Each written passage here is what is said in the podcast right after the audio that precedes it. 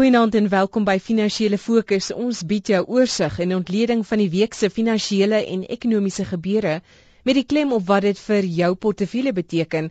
My naam is Erika van der Merwe. Gekoördineerde aksie deur ses van die wêreld se grootste sentrale banke om dollar likwiditeit beskikbaar te maak aan veral die Europese banke het 'n dramatiese oplewing in markte internasionaal veroorsaak. Die Europese sentrale bank hoof was egter vinnig om verwagtinge te tem deur daarop te wys dat die sentrale bank se aankope van Europese skuld nie onbeperk sal wees nie. Verder lyk dit asof ekonomiese aktiwiteit in baie wêreldstreke stoom verloor, met hulpbron reus Rio Tinto wat erken dat sy kliënte versigtiger raak met hulle bestellings. Ek gesels hieroor met Loret Viljoen, portefeuljebestuurder by Sasfin Securities, en Charles Bester, portefeuljebestuurder by Creer Internasionaal. Goeienaand en welkom aan julle. Goeienaand Erika. Goeienaand Erika. Dit was so interessant hoe die Europese sentrale bankhoof Mario Draghi die dag na daai gekoördineerde sentrale bank aksie markverwagtinge probeer tem en bestuur het en hy het die klem daarop gelê dat die Europese lande nou tot 'n skikking moet kom om nouer saam te werk op die fiskale gebied. 'n Klem daarop op die fiskale dissipline wat nodig is voor die Europese sentrale bank aktief kan intree, Shaal. Ja, Erika, ek dink wat Leo Cardier probeer sê is dat 'n oplossing vir die finansiële krisis en die, die skuldkrisis in Europa. Daar's nie 'n een eenvoudige oplossing daarvoor nie. Wat sentrale banke wêreldwyd nou gedoen het, is hulle eintlik so 'n bietjie medisyne vir 'n siek pasiënt gegee. En hulle het gekeer dat Europese banke veral in likwiditeitsprobleme in in hardloop. So hulle het hulle het likwiditeit in die markte ingestoot, likwiditeit beskikbaar gestel vir daai Europese banke want ons het gesien dat depositohouers en veral Griekeland waar dit begin het, baie traag was om nog hulle deposito's in die banke te hou want hulle het nie geweet of dit beskerm of veilig gaan wees nie. Net sodra die deposito's begin geld onttrek, dan kry mense wat ons noem 'n op die bank en dan gaan dit van een bank na die volgende bank. So hierdeur het mense eintlik dit verhoed. Deposito's kan nou meer gerus wees dat daar likwiditeit beskikbaar gaan wees en dat daai banke toegang tot geld gaan hê. Want ons moet ook onthou dat likwiditeit uit die aard van die saak is die olie van die wêreldekonomie en as daai olie uit die wêreldekonomie se engine getrek word, dan dan kom haar engine baie baie vinnig tot 'n stilstand. En ons het gesien wat gebeur in 2008 toe Lehman Brothers bankrot gegaan het. En wat die wêreld probeer verhoed het is in 'n in 'n soortgelyke situasie ingaan. Maar dit uiteindelik is is dit nie 'n oplossing vir die onderliggende probleem nie. Onderliggende probleem is dat lande vir te lank hoe hulle vermoëns geleef het. Ek dink wat Duitsland veral nou probeer doen is dat dat daar groter omsigtigheid moet wees, dat daar groter finansiële dissipline moet wees en nou daar waarskynlik groter insaam moet wees in hoe ander lande ook hulle stelsels en hulle finansiële gedeelte bedryf. En wat uiteindelik gaan gebeur is jy 'n land gaan so 'n bietjie van sy soewereiniteit moet opgee sodat ander lande daarin insaak kan hê.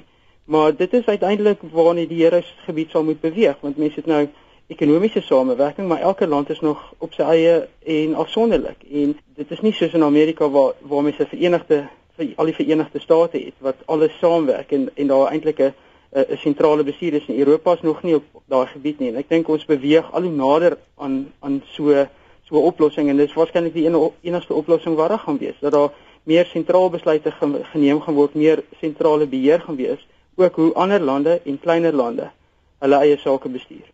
En Lorette, as jy dan teruggaan na daai Maastricht reëls uh, met die met die totstandkoming van die Europese Unie, was daar streng fiskale reëls geweest en baie van die lande, ek dink meeste van die lande het daardie reëls nie nagekom nie. Van die lande het selfs gejok oor hulle syfers. Erika dis baie waar en ongelukkig dink ek daar het reeds die die groot probleme ontstaan. Hulle was so gretig om die lande in die eurozone in te kry en te sê hierdie ding werk dat hulle nooit regtig gaan kyk het na die onderliggende aspekte nie. En iets wat ek nou nogal ook opgetel het wat wat iemand genoem het wat 'n probleem is is die taalgebruik. Die Europese Unie het nooit gaan kyk wat sê Griekeland in sy eie taal vir sy eie mense nie. Hulle het aanvaar wat sê hulle vir die Europese Unie. En dis iets wat jy natuurlik nooit kan doen nie. Jy kan nie net aanneem hulle gee vir jou die regte inligting nie. Nou dit is waar die probleem veroorsaak is, maar terwyl dit goed gegaan het, het niemand daaroor regtig bekommerd gewees nie. Dit is nou die eerste keer wat hierdie Unie regtig getoets word met dinge wat verkeerd gaan. En kom ons wees eerlik, dit gaan al 'n rukkie lank so, maar dit begin nou uitkom want dit kan nie meer weggesteek word nie. En dit is die probleem. Ek stem saam met Charles dat die een van die enigste oplossings sal wees dat daar 'n mate van soewereiniteit opgegee sal moet word sodat besluite meer sentraal geneem kan word. Ek is net nie seker dat die lande dit sal aanvaar nie en dit is 'n probleem want as hulle dit nie aanvaar nie is die enigste ander oplossing om dan die eurozone te onttrek en dit gaan baie sleg wees vir markte. En natuurlik die lande waar daar meer dissipline is soos in Duitsland. Dis Angela Merkel wat daardie nouer samewerking, fiskale samewerking wil sien wat sodat daar meer beheer is want dit lyk asof die ander Europese lande konstant na Duitsland kyk as die redder, Loret. Dit is baie waar. Hulle kyk konstant na Duitsland as die redder en die Duitsers is besig om te sê, maar hou se bietjie vas, hoekom moet ons die hele tyd geld gee as julle nie ordentlik na julleself kan kyk nie? En as ons dan vir julle geld gee, hoekom stry julle nou nog oor die kondisies waaronder ons dit vir julle wil leen? So, ehm um, dit is ongelukkig een van die probleme dat indien Duitsland nie kry wat hulle hier wil hê nie, gaan die Duitsers heel moontlik vir Angela Merkel forceer om dan op te hou om te probeer help. En en dit sal sleg wees vir die lande wat op hierdie stadium op daai hulp aangewese is. Charles China wat nou gesien het dat hy suksesvol was met die bekamping van inflasie. Inflasie is nou die nuutste lesing by 5.5%. Hy het dieselfde dag wat die hierdie sentrale banke saamgewerk het met hierdie beskikbaarstelling van dollar likwiditeit, het China sy reserve vereistes van die banke verlaag. So dis 'n stimulerende aksie. Hy het natuurlik die ruimte om nou stimulerend te kan begin beweeg. Ja, ek dink dit is baie bemoedigend vir markte gewees. Dit was regtig eintlik twee doses goeie nuus en dis kom markte wêreldmarkte daai dag so sterk was. Ek dink ehm um, die, die oggend was was dit die eerste stimulus vir markte gewees, maar wat dit ons sê is ja, daar is ruimte. Ehm um, China het natuurlik al lank al reeds begin om om reservevereistes op te stoot sodat banke minder uitleen, maar weet aan die ander kant sit jy nog steeds. Hulle sit nog steeds met wat gesien word as 'n as 'n bubble in hulle eiendomsmark, so jy wil ook nie geld te veilig beskikbaar maak nie. Jy wil ook maar daai inflasie onder beheer hou. So ek dink hulle hulle is baie meer rigied en sal stelselmatig waarskynlik uh, vereistes verlaag in in indien hulle toegelaat word om dit te doen. Maar dit is bemoedigend. Ek dit is bemoedigend ook vir vir ons maatskappy. Ons wil hê China moet groei. China is, is baie belangrik in in Suid-Afrikaanse maatskappye se lewens. En die gemiddelde man op straat is eintlik uh, baie afhanklik van wat in China gebeur. So as ons maatskappye kan uitvoer as hulle aanhou ons yster uitkoop, ons steenkool en en ons ander kommoditeite wat ons produseer, dan is dit goed in die langtermyn in Suid-Afrika. Europa is nog steeds ons grootste handelsvennoot. So ek dink oor die langer termyn wil ons eerder hê ons ons grootste vennote moet in Asië wees, moet in die ooste wees, met China en Indië raak. Daar waar ons weet um, die demografie is nog reg. Daar waar ons weet ekonomiese groei alhoewel dit dalk 'n bietjie kan afplat, is nog, nog steeds baie sterk en en baie baie hoër as in die res van die wêreld. So as China dit kan regkry om hulle ekonomie in die gang te hou, hulle ekonomie te stimuleer sonder dat inflasie aan uittrek, dink ek is vir die langer termyn baie baie goed vir ons. En dit bevestig ook Loreto bekommer die ontwikkelende wêreld is oor die stand van ekonomiese groei Brasilië wat ook in die week ingetree het, het rentekoerse in die week nog geslag verlaag en 'n rits fiskale maatreëls in plek gesit om hulle ekonomie te stimuleer.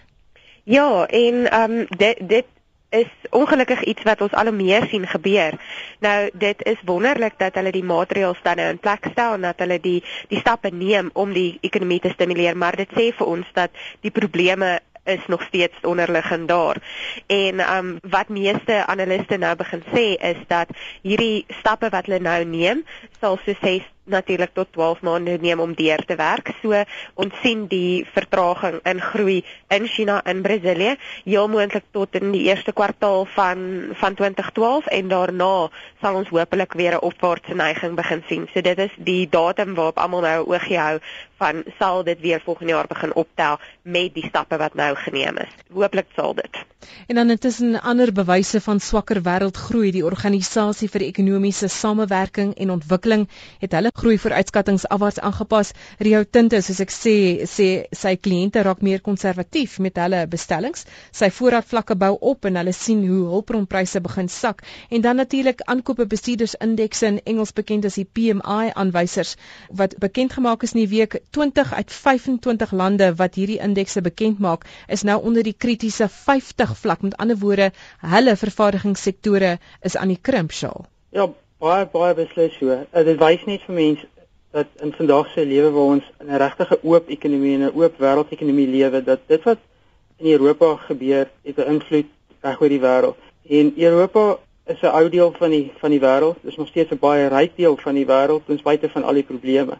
En dit wat daar geproduseer word of dit wat daar aangekoop word, het het 'n impak en 'n rimpeling regdeur die wêreld van ons myne wat wat produseer tot die druiweboere wat wyn vervaardig. Dit het regtig 'n baie baie invloed en so gaan dit regdeur die wêreld. So net die syfers, ek meen die in Europa was dit was dit 46.4, dis die laagste in in 2 jaar. In Brittanje was dit 47.6, is die laagste sedert Julie 2009. So die vervaardigingssektor wêreldwyd is is besig om te krimp. Dis nie goeie nuus vir werkskepping nie. Dis nie goeie nuus vir mense wat nog nie in die arbeidsmark is nie of die mense wat in die arbeidsmark is, is daar nou vraagtekens oor oor hoe lank hulle daar gaan wees en ons weet, weet wêreldwyd in die FSA maar ook ons al hoe meer al hoe meer in Europa en in lande soos Brittanje raak werkloosheidprobleem en is die werkloosheidskoers baie baie hoër as wat daai lande aan aangewoond is en dit is dis onmoontlik om te sien hoe daai mense weer kan toetree tot die werkloosheidsmark as as vervaardiging besig is om te krimp.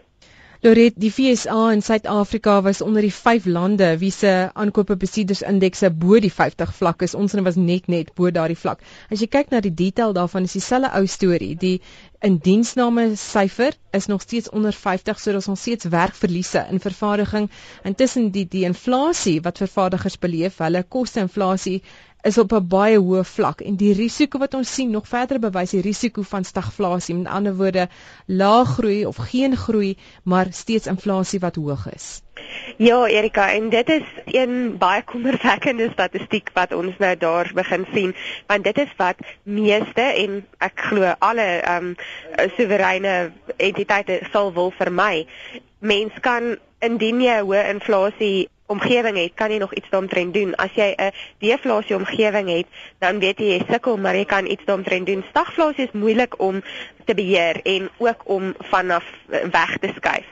So hulle probeer al die die moontlike stappe wat hulle het om te doen, probeer hulle doen om dan nou dit te keer.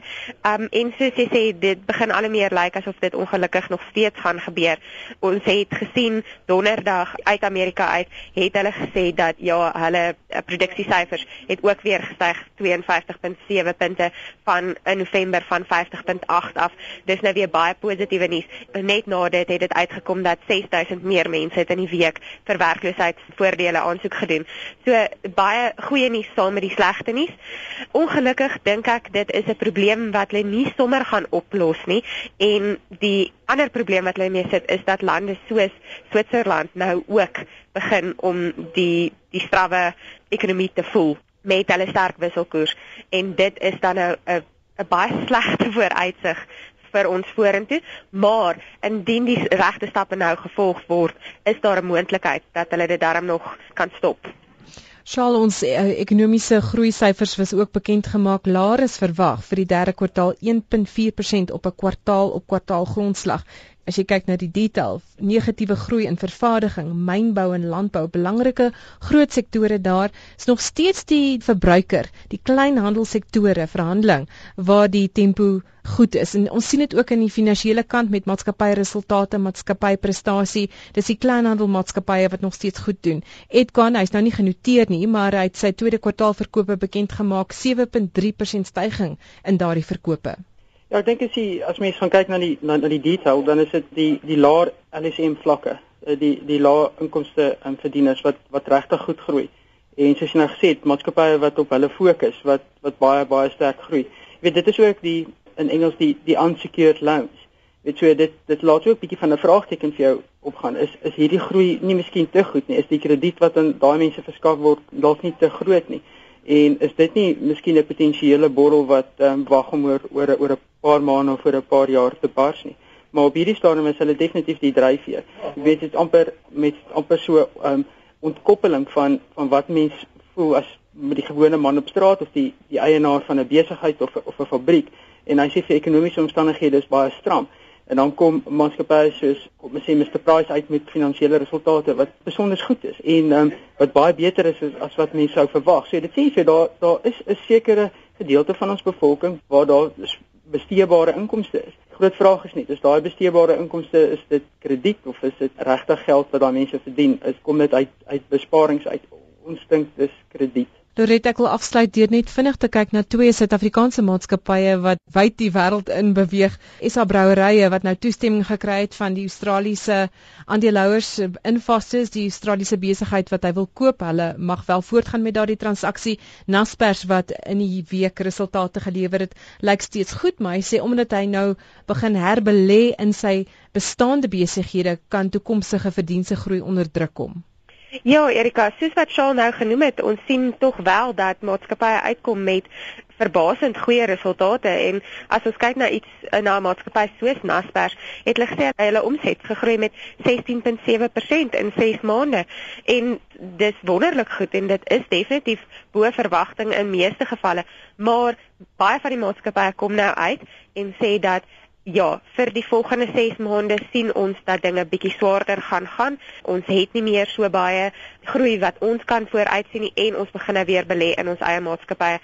Nou dit is wonderlike nuus, die beleggings in hulle eie maatskappye vir die toekoms, maar dit is kommerwekkend dat hulle wel 'n moeilike omstandighede sien vorentoe want dit sê vir ons ons het nog nie heeltemal deur die gedeelte beweeg waar groei uh, ten minste aan die gang is al is dit stadig nie alles in ag geneem lyk dinge eintlik nie te sleg vir ons maatskappye nie.